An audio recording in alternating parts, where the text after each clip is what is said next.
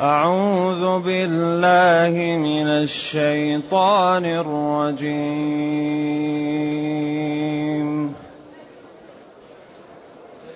بسم الله الرحمن الرحيم.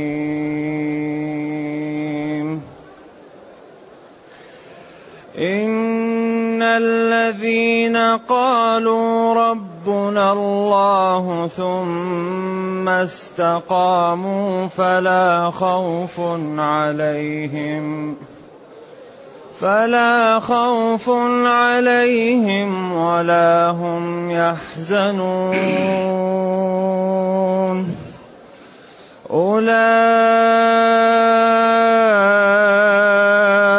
أولئك أصحاب الجنة خالدين فيها. أولئك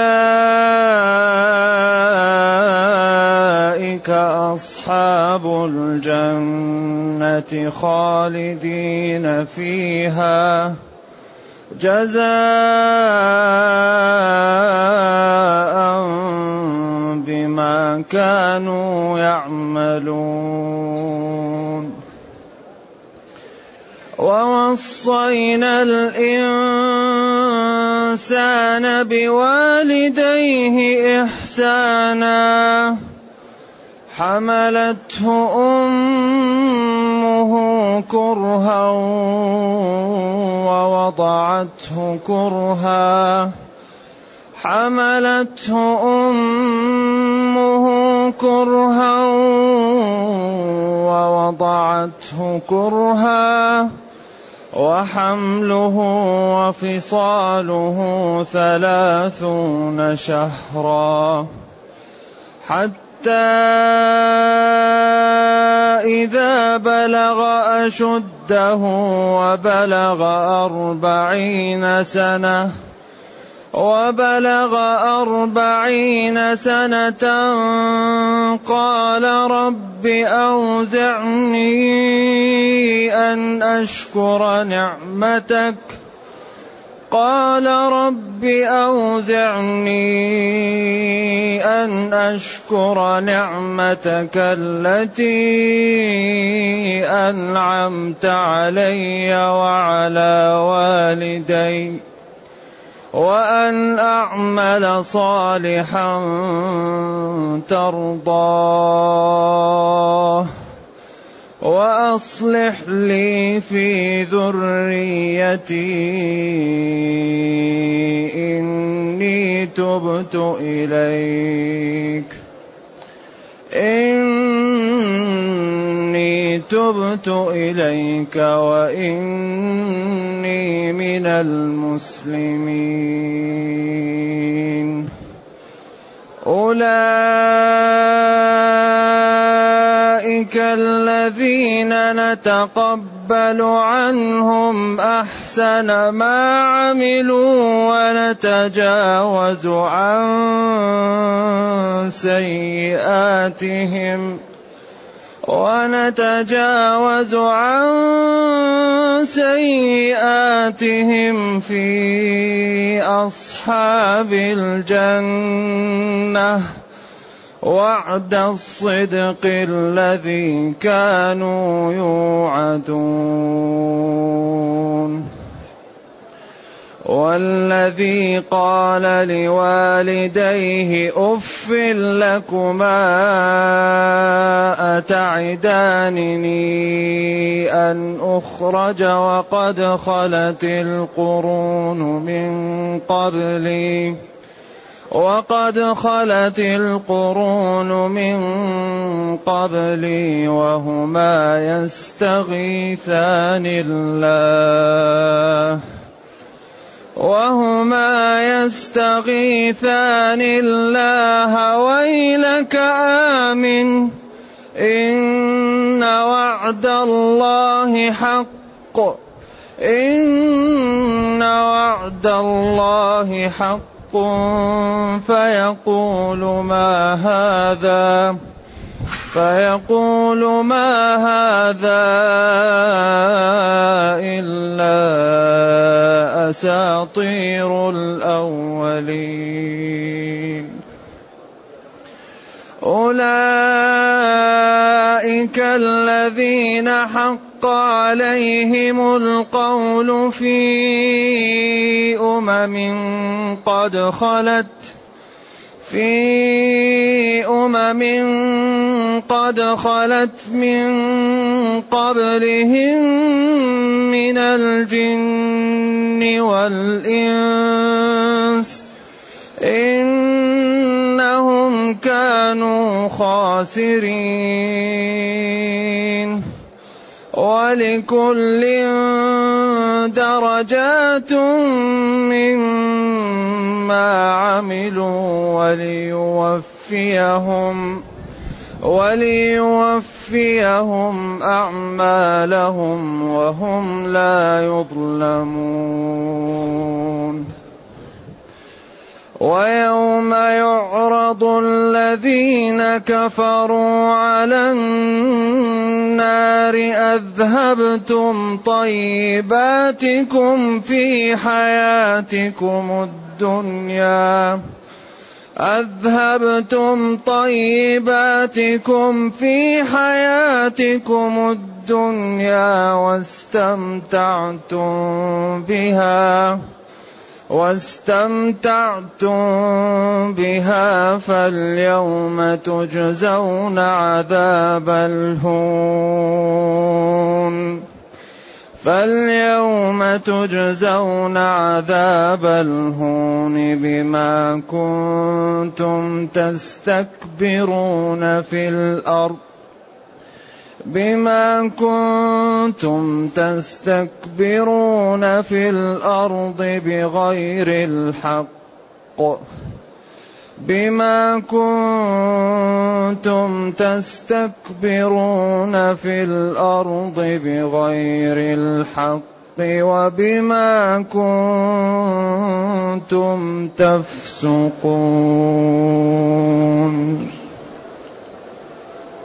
الحمد لله الذي أنزل إلينا أشمل كتاب وأرسل إلينا أفضل الرسل وجعلنا خير أمة أخرجت للناس.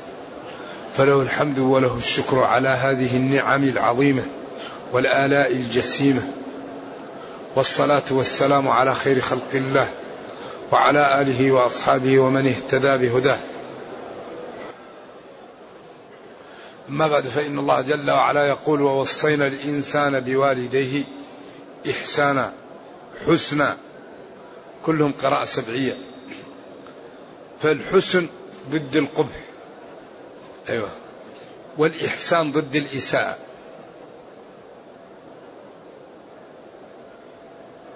يعني وصينا الإنسان بوالديه إكراما ورفقا ولين جانب وامتثالا للأوامر واجتناب للنواهي. حسن هذا هو الحسن أو الإحسان.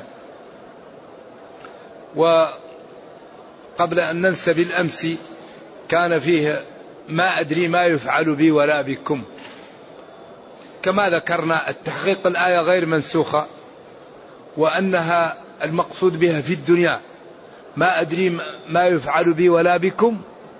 هل ننتقل من مكة أو أذهب إلى آخر؟ هل يقبلني قومي ويؤمن بي؟ هل يكذبوا بي؟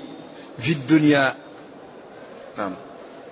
أما ما ورد في الأثر وهو حديث الصحابية التي أثنت على الصحابي وقالت هنيئا لك. قال له والله وأنا رسول الله ما أدري ما يفعل بي ولا به. ف ولا و وإني لأرجو له الخير. قال الحافظ بن كثير في الآية إن الرواية التي فيها ما أدري ما يفعل به ما فيها بي وأن هذه هي المعتمدة واستظهرها الوالد. رحمة الله عليه في نفس الآية. إذا يكون ما أدري ما يفعل بي ولا بكم في الدنيا أما في الآخرة فهو رسول كريم بين له و إن شاء الله يعلم أنه يوم القيامة في الدرجات العليا. ولذلك قال في الرفيق الأعلى في الرفيق الأعلى لما قالت عائشة لم يقبض نبي إلا إذا خير فكان يقول في الرفيق الأعلى فاختار أيوه. فهذا الذي يجمع الأدلة. إذا الآية غير منسوخة ولكن في الدنيا. ما أدري ما يفعل بي ولا بكم في الدنيا. إذا ما علاقة الآية بالآية؟ ووصينا الإنسان بوالديه. تكلم العلماء وقالوا دائما ربنا إذا أمر بعبادته أمر بإكرام الوالدين. لأن الدنيا دائما فيها كما ذكرنا قانون المعاوضة. الدنيا كأنها تقوم على البيع والشراء على المبادلة. والله تعالى أوجد العبد فأكبر حق على العبد حق الله لأنه هو الذي أوجده من العدم. وهو الذي أعطاه النعم التي عنده. وهو الذي دفع عنه النقم. فحق الله لا مثل لا مثيل له. لأنه هو الذي أوجدك ما بعده حق الوالدين. لأنهما السبب بعد الله إيش؟ في إيجادك ولذلك قال واعبدوا الله ولا تشركوا به شيئا وبالوالدين إحسانا. وقال وقضى ربك أن لا تعبدوا إلا إياه وبالوالدين إحسانا. لذلك هذا الدين دين يعني حري بنا أن نفهمه. وأن نتأمله وأن نتمثله لجماله الشرائح التسعة التي تخالطها أمرت بالإحسان إليها كاملة. قال اعبدوا الله ولا تشركوا به شيئا. إيش؟ وبالوالدين إحسانا وبذي القربى واليتامى والمساكين والجار ذي القربى والجار الجنب والصاحب بالجنب وابن السبيل وما ملكت أيمانكم. هل بقيت شريحة من شرائح المجتمع تخالطها؟ وقال لك احسن إلى جميع الشرائح. إذا هذا المسلم مأمور بالإحسان. إلى من تخالط وإلى من تراه وإلى كل الشرائح التي يكون بينك وبينها خلطة الإحسان إليها وأمرك أن من أساء إليك بادل الإساءة بالإحسان. وأخبر أن هذا لا يناله إلا من اتصف بصفتين صفة الصبر والحظوة عند الله. أن يكون متصف بصفة الصبر وأن يكون محظوظا عند ربه. وما يلقاها إلا الذين صبروا وما يلقاها إلا ذو حظ عظيم. إذا لما أمر بين صفة من عبده بين أن تكرم الوالدين قال ووصينا الإنسان. الإنسان هنا جنس الإنسان. بوالديه. الوالدان الأب والأم. إحسانا. أن يحسن إليهما إحسانا. ثم بين أن حق الأم أكبر. قال حملته أمه كرها كرها ووضعته كرها كرها. كلهم قراءة سبعية وكل صحيح. والمرأة قد تحبل وهي كاره. ولذلك الرجل فضله الله على المرأة. لأنه المرأة لا تنال من الرجل إذا كان كارها. لكن المرأة قد تحبل وهي كاره. حتى إن العرب قالوا إذا جاء الرجل لأهله وهي لا تريد الولد الذي يولد يكون قوي لأنه ولد من عراك. ولذلك قال ممن حملن به وهن عواقد حبك النطاق فشب غير مهبل تقول العرب إن الرجل إذا جاء لأهله وهي لا تريد الولد يكون قوي لأنه ولد من عراك. لذلك قال وللرجال عليهن درجة. حملته أمه كرها. تعب الحمل وفيه مرض يسمى الوهم يأتي لكثير من النساء في الأشهر الأولى وقد يستمر إلى قريب من الولادة تكون دائما تستفرغ وتتعب وتدوخ وآلام لا يعلمها إلا الله. ووضعته كرها وأشد شيء هو الدقائق التي قبل الولادة وهو المخاض والطلق. ثم السبيل يسره. هذا آلام لا يعلمها إلا الله. ثم حمله فصاله المدة كلها ثلاثون شهرا. قال ابن عباس إذا ولدت المرأة على تسعة أشهر ترضع ولدها إحدى وعشرين شهرا لتكمل ثلاثين.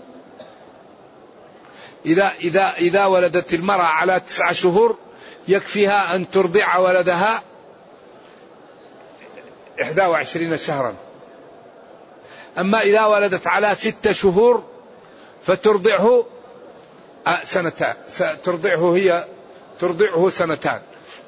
ولذلك لما جاء عثمان وجاءته امرأة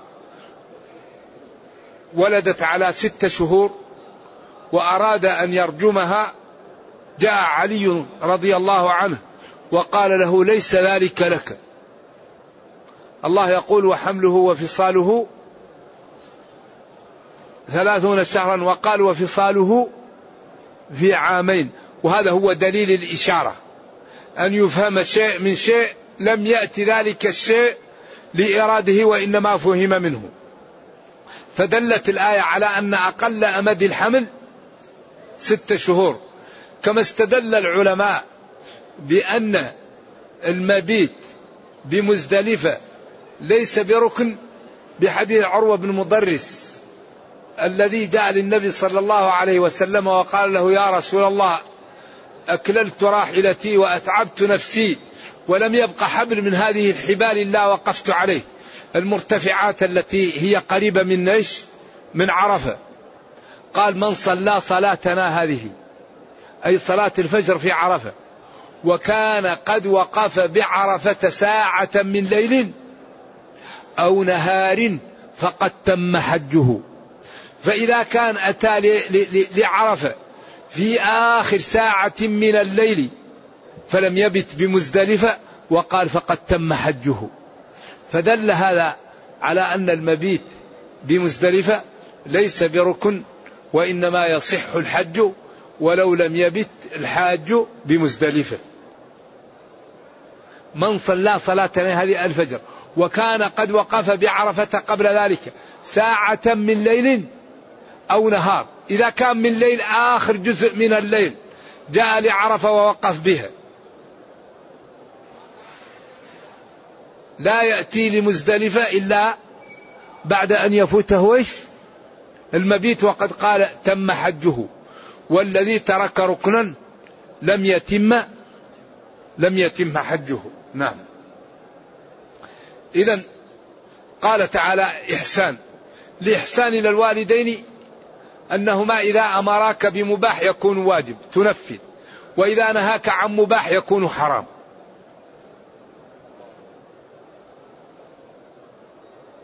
وبعدين لا يوجد كبيرة من أكبر الكبائر عقوق الوالدين. والذي يعق والديه الله يسلط عليه أبناء يعقونه ويؤذونه. وهي قضية ذميمة. ولذلك الله لما بين في سورة الإسراء وبالوالدين إحسانا إما يبلغن عندك الكبار أحدهما أو كلاهما فلا تقل لهما أف. لأن أصعب مرحلة هي مرحلة الكبر. فالوالد يضيق صدره وتأتيه الأسقام ويكون آه، عطنه ضيق. فلذلك تكون الملاطفة والرفق به والإحسان إليه في غاية من الصعوبة ويقف الشيطان في وجه الأبناء أن لا يبروا بوالديهم. تجد الآن الولد يبر أصدقائه وزوجه ولكن مع الأسف كثير من الشباب لا يبر بوالديه إلا من عصم الله. وفيه شباب لا شك يبرون كل الناس وشباب الله اختارهم وجعلهم يعني قمة في الخير فهؤلاء قلة. لكن أغلب الناس تجد الشاب يبر بزوجه وبأصدقائه ولا يبر بوالديه عياذا بالله. ولذلك تبر به تكون الآن على موعد مع أصدقائك. تطلع تتنفه تأخذ فسحة. تقول لك الوالدة أنا أريدك بعد العصر الوقت الذي تكون أنت مع الزملاء. تقول لهم يا تتركوا الخروج اليوم أو أنا أستأذن. الوالدة تريدني. أو الوالد يقول لك أنا اليوم أريدك. على طول بعد العشاء مباشرة. عندي ضيوف. أنت عملت موعد مع زملائك وخارجين. وعندكم طلعة. تقول لهم غيروا الموعد أو أنا أستأذن. وبالوالدين إحسانا. وقال فلا تقل لهما أف. أف هذا قمة البلاغة. فلا تقل لهما أدنى شيء يشعر بعدم الرضا. إذا كلمك كلام لا تحبه تتنفس. تأخذ نفس. كذا أو تقول لا. أف. أف أف. كلهم قراءة سبعية. فلا تقل لهما أف. فلا تقل لهما أف. فلا تقل لهما أف. وهذا يدل على أنك لا تقل لهما أدنى شيء مما يشعر بعدم الاحترام أو الرضا. ولا تنهرهما. لا ترفع صوتك عليهم. واخفض لهما جناح الذل جناحك الذليل. لأجل الرحمة ولأجل الخوف من الله. ثم قل رب ارحمهما كما ربياني صغيرا. إشارة إلى ما ركب الله فيهما من المحبة ومن الميول الشديد. أنت تفعل لهم هذا وأنت تتمنى أن يذهبوا عنك. وهم يفعلون لك هذا ويتمنوا بقاءك. ثم هدد تهديدا مبطنا فقال ربكم أعلم بما في نفوسكم. ربكم أعلم بما في نفوسكم. من يعمل هذا خوفا من الله ورضا لله وإخلاصا لله ومن يعمل ذلك تقية وخوفا من الناس. أو لكي يقال ربكم أعلم بما في نفوسكم. هذا تهديد مبطن وتخويف. أن الواحد يفعل هذا بإخلاص وباندفاع وبمحبة. وبعدم يعني تبرم ولا غضب. إذا ولذلك لما سئل من أحق الناس بالصحابة؟ قال أمك. ثم من أمك؟ ثم من أمك؟ ثم أبوك. حتى إذا بلغ أشده هذا الإنسان. قيل هذا أبو بكر. وقيل الآية عامة مبينة لهذه الشريحة الطيبة. وبلغ أربعين سنة. يقول البغوي أشده من ثمانية عشر سنة إلى أربعين. هذا هو الأشد. بعد ذلك يأتي لسن الكهولة ثم بعد ذلك يأتي لسن الشيخوخة. أيوة. وبلغ أربعين سنة. هذه نهاية الأشد.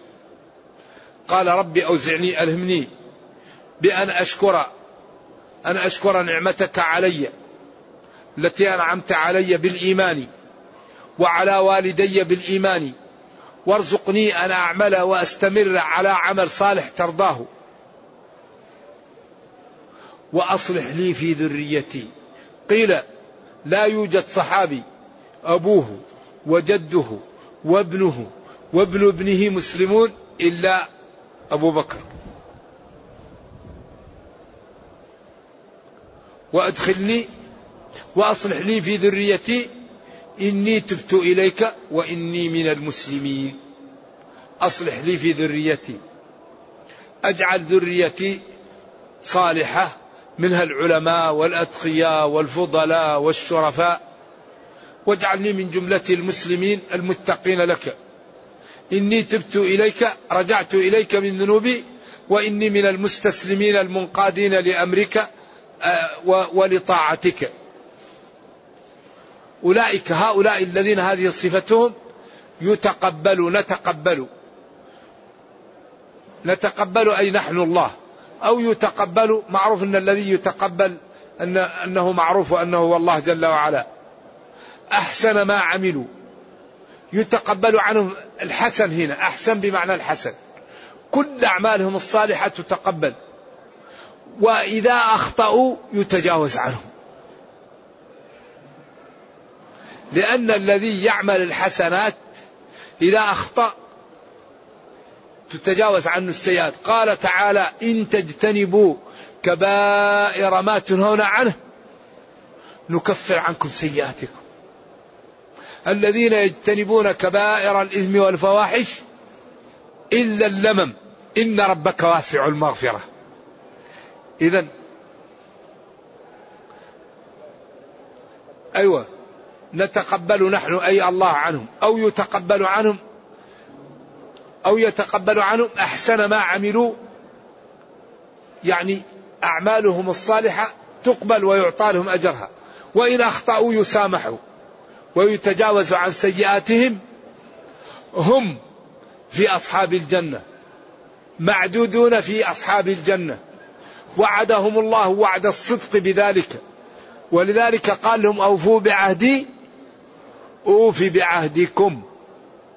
لئن أقمتم الصلاة وآتيتم الزكاة وآمنتم برسلي وعزرتموهم وأقرضتم الله قرضا حسنا لأكفرن عنكم سيئاتكم ولأدخلنكم جنات تجري من تحتها الأنهار.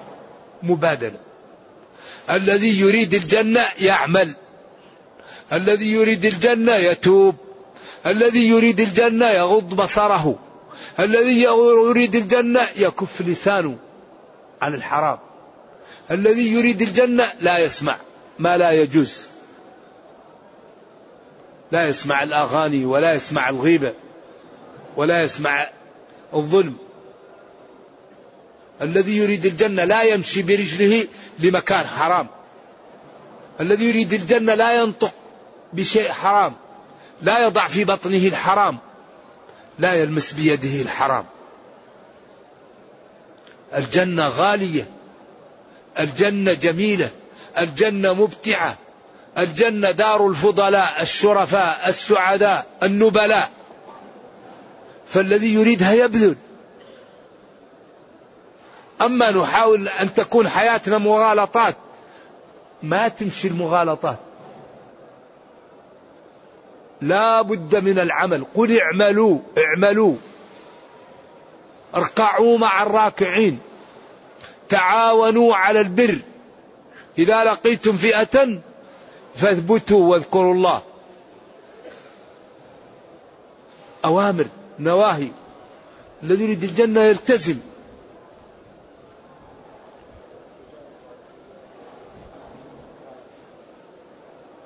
وعد الصدق الذي كانوا يوعدون. هؤلاء الذين فعلوا هذا هم الذين هذه صفاتهم. في الجنة خالدون. ثم قال بين هنا أن ولد أهله. هذا قيل أبو بكر ونفت ذلك عائشة وهو في البخاري. أن عبد الرحمن بن أبي بكر أنه قبل إسلامه قال له والداه. أيوة أمراه بالإيمان فقال لهما أف لكما؟ أتعدانني أن أخرج؟ وقد خلت القرون من قبلي ولم نرى أحدا مات وحيا وهما يستغيثان يدعوان ربهما ويصيحان عليه ويلك آمن إن وعد الله حق. فيقول ما هذا؟ إلا أساطير الأولين. أولئك الذين حق عليهم القول. هذا الذي دل على أنه غير عبد الرحمن بن أبي بكر. ونفت ذلك عائشة وهو في البخاري. فهو ليس عبد الرحمن. وإنما هذه العبرة بعموم اللفظ ذكر ناس ولا أعرف في شيء يثبت. واذكر الذي قال لوالديه أف لكما. يعني تبا لكما. أتعدانني أن أخرج؟ أتعداني أن أخرج؟ وقد خلت القرون من قبلي الأمم. أتظنون أنني بعد أن نموت أخرج من القبر؟ والقرون ماتت قبلي ولم نرى أحدا أخرج وهما والداه يدعوان الله ويستغيثانه. ويلك احذر. آمن. ادخل في الإيمان. إن وعد الله حق. فإنك إن مت على الكفر وجبت عليك العقوبة وحلت بك اللعنة. فيقول ما هذا إلا أساطير؟ ما هذا إلا ما كتبه الأولون وسطروه أولئك الذين حق عليهم القول. هذا الدليل على أنه عياذا بالله الذي قال له والداه هذا وقال لهم ذلك أنه مات على الكفر. حق عليه القول أي مات على الكفر. في أمم قد خلت داخل في أمم سبقت من الجن والإنس إنهم كانوا خاسرين ناقصين حظوظهم بالكفر وعدم الإيمان. ولكل من المتقين والمجرمين درجات مما عملوا. هذا مشاكلة. المتقون لهم الدرجات والمجرمون لهم دركات. ولكن عبر عن درجات. هذه درجات عليا وهذه درجات نازلة. ولكل ولكل عامل من عمله درجات. فإن كان متقيا درجات في الجنة. وإن كان من السابقين يرى كالقمر ينظر كالبدر وكالكواكب منازل عالية. وإن كان من المجرمين دركات فإن كان من أجرم المجرمين دركات تحت دركات تحت دركات. إذا ولكل من العاملين درجات مما عملوا. فإن كان خيرا فخير وإن كان شرا إن كان عمله خيرا فله الخير وإن كان عمله شر شرا فله الشر. نرجو الله السلام والعافية. ولنوفينهم وليوفينهم أعمالهم. أي جزاء أعمالهم؟ وهم لا ينقصون من أعمالهم شيء ولذلك أفيه عذر بعد هذا؟ أبعد هذا عذر؟ هذا البيان ولذلك هذا القرآن كل ماشي على ثلاثة جمل. هذه الجمل تتخذ مئات الأشكال. الله معبود بحق. هذه الجملة الأولى. ومحمد صلى الله عليه وسلم مرسل من عند الله. هذه الجملة الثانية. ووعد المصدق به الجنة وأوعد المكذب به النار. هذه الجملة الثالثة. كل القرآن على هذه الجمل الثلاث. ولذلك اعبدوا الله أطيعوا الله وأنيبوا إلى ربكم. سارعوا إلى مغفرة استبقوا الخيرات. بعدين من يطيع الرسول فقد أطاع الله ما ينطق عن الهوى. قل إن كنتم تحبون الله فاتبعوني. بعدين إن المتقين في جنات ونهر. وبعدين كلما نضجت جلودهم بدلناهم جلودا. وهذا يتكرر يتكرر يتكرر حتى يبقى كل واحد على بصيرة من أمره. ذلك هذا القرآن لا يبقى في محل يبين ويوضح الكفر. إذا فهم المسلمون القرآن ووضحوه لا يبقى كفر في الأرض. لأن الله قال وأنزلنا إليكم نورا مبينا. وقال إن الكفر ظلام. هل الظلام يبقى مع النور؟ لا يمكن يبقى ظلام مع النور. وهذا الكتاب نور. فإذا بين ووضح الظلام يتبدد ويزول.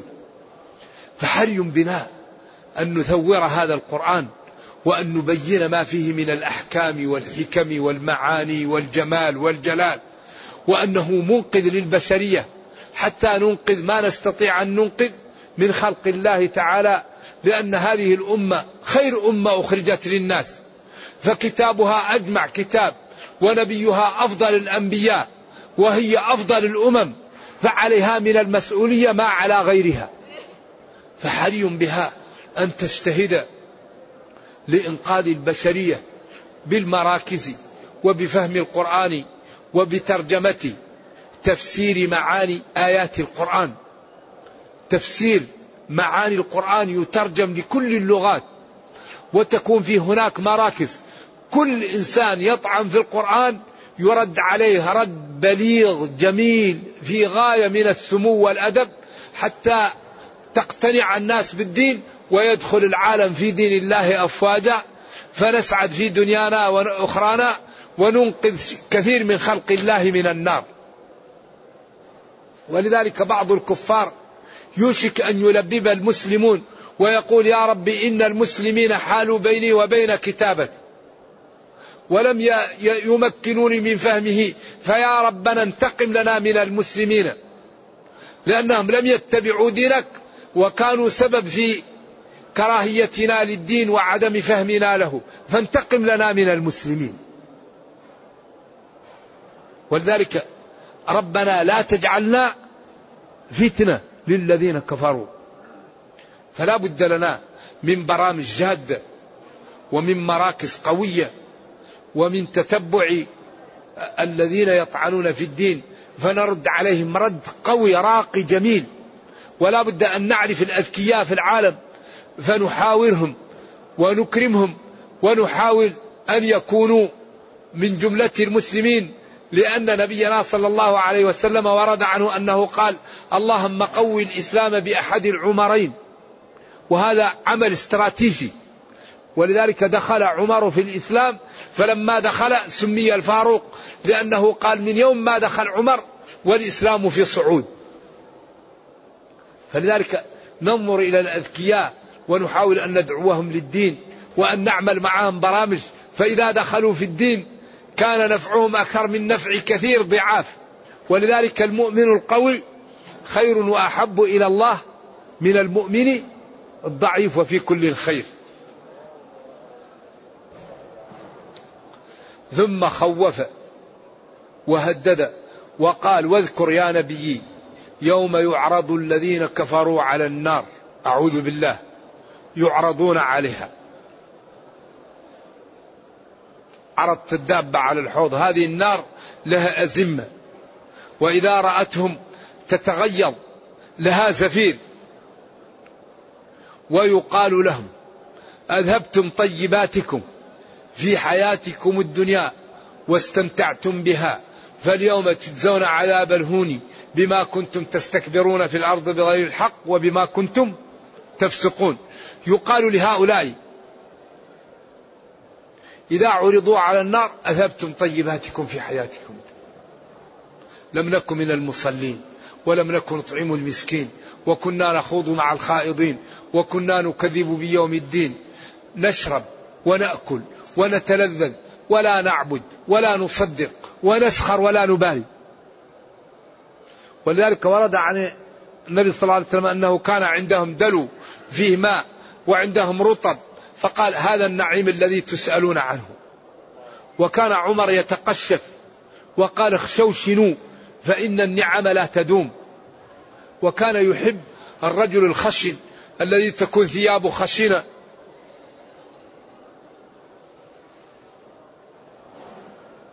ولكن مع ذلك قل من حرم زينة الله التي أخرج لعباده والطيبات من الرزق. نبينا صلى الله عليه وسلم ما شبع يومين متتاليين حتى مات. وما أكل المنخل من من الخبز. وكان طعام الخبز من من من, الشعير. ويأتي ثلاثة أشهر يرى الشهر. والشهر حتى تنتهي الشهران وما يوقد في بيته نار. وكان طعامهم الأسودين الماء والتمر إلا أنه كانت تأتيه منائح من الأنصار يرسلون له حليب لبن صلوات الله وسلامه عليه. ولذلك عمر لما قال له يا رسول الله ادعو الله أن يعطيك. قال له يا عمر أما ترضى أن تكون لهم في الدنيا ولنا في الآخرة؟ أو كما قال صلى الله عليه وسلم لذلك هذه الدنيا زائلة. ولكن من أعطاه الله مالا وإن الله يحب أن يرى أثر نعمه على عبده. كل واشرب والبس وتصدق من غير إسراف ولا مخيلة. ولكن إذا كان الإنسان يصبر ويؤثر الآخرين ويتحمل شغف العيش هذا لا شك أفضل. لكن إذا كان الإنسان لا يصبر يمسك له من ماله ما يعفه ويأكل ويشرب ويلبس. لأن الله قال قل هي للذين آمنوا مع الكفار وخالصة للمسلمين يوم القيامة. فكل شيء مباح أكل وشرب وملبس ومسكن هذا لا يضر لكن لا يكون فيه إسراف ولا يكون فيه تكبر ولا مخيلة. والإنسان ينبغي أن يوسع على من إيش ينفق عليه. كفى بالمرء إثما أن يضيع من يعول. ولكن إن المبذرين كانوا إخوان الشياطين. ولذلك الدين كله دين الإيش الوسطية. الذين إذا أنفقوا لم يسرفوا ولم يقتروا.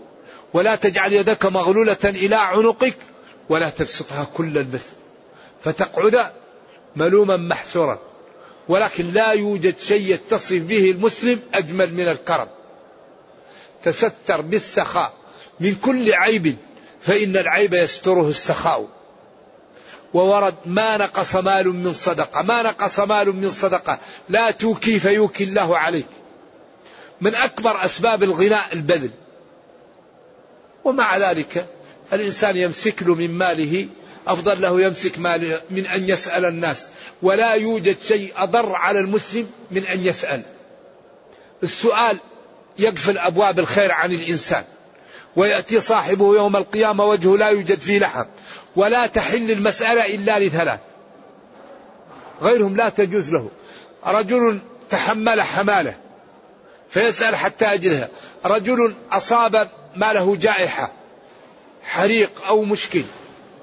أو رجل أصابته فاقة حتى قال اثنين من العدول هذا حلت له المسألة. ما وجد شيء يوم يومين ثلاثة حتى كاد يهلك. يجوز له أن يخبر الناس. أما غير هذا فلا. ومع ذلك أمر الإنسان أن يعف وأمره بأن يعطي. قال أطعموا القانع والمعتر. القانع السائل. القانع المتعفف المعتر الواسطة بينهم. أطعموا كل من يريد أن يطعم. ومن استغنى يغنيه الله ومن تعفف يعفه الله. ومن ت... دين دين آية آية هذا الإسلام في الحسن. فحري بنا أن نعطيه وقتا؟ لا بد من إعطاء الوقت لهذا الكتاب. لا بد من فهمه. لا بد من تمثله في حياتنا. وفي آخر هذه الآية خوف قال ويوم يعرض الذين كفروا على النار فيقال لهم أذهبتم طيباتكم في حياتكم الدنيا ملذاتكم واستمتعتم بها. فاليوم تجزون العذاب الهين الذي يكون مؤذيا وتهانون به. ويكون في غاية من الألم والعقوبة والنكال. بما لا؟ بسبب ما استكباركم وكفركم. وبما كنتم وبسبب خروجكم عن طاعة الله والاستهزاء بدينه وبآياته. نرجو الله جل وعلا أن يرينا الحق حقا ويرزقنا اتباعه وأن يرينا الباطل باطلا ويرزقنا اجتنابه وأن لا يجعل الأمر ملتبسا علينا فنضل. اللهم ربنا أتنا في الدنيا حسنة وفي الآخرة حسنة وقنا عذاب النار. اللهم اختم بالسعادة آجالنا واقرم بالعافية غدونا وآصالنا واجعل إلى جنتك مصيرنا ومآلنا. سبحان ربك رب العزة عما يصفون وسلام على المرسلين والحمد لله رب العالمين. وصلى الله وسلم وبارك على نبينا محمد وعلى آله وصحبه. والسلام عليكم ورحمة الله وبركاته.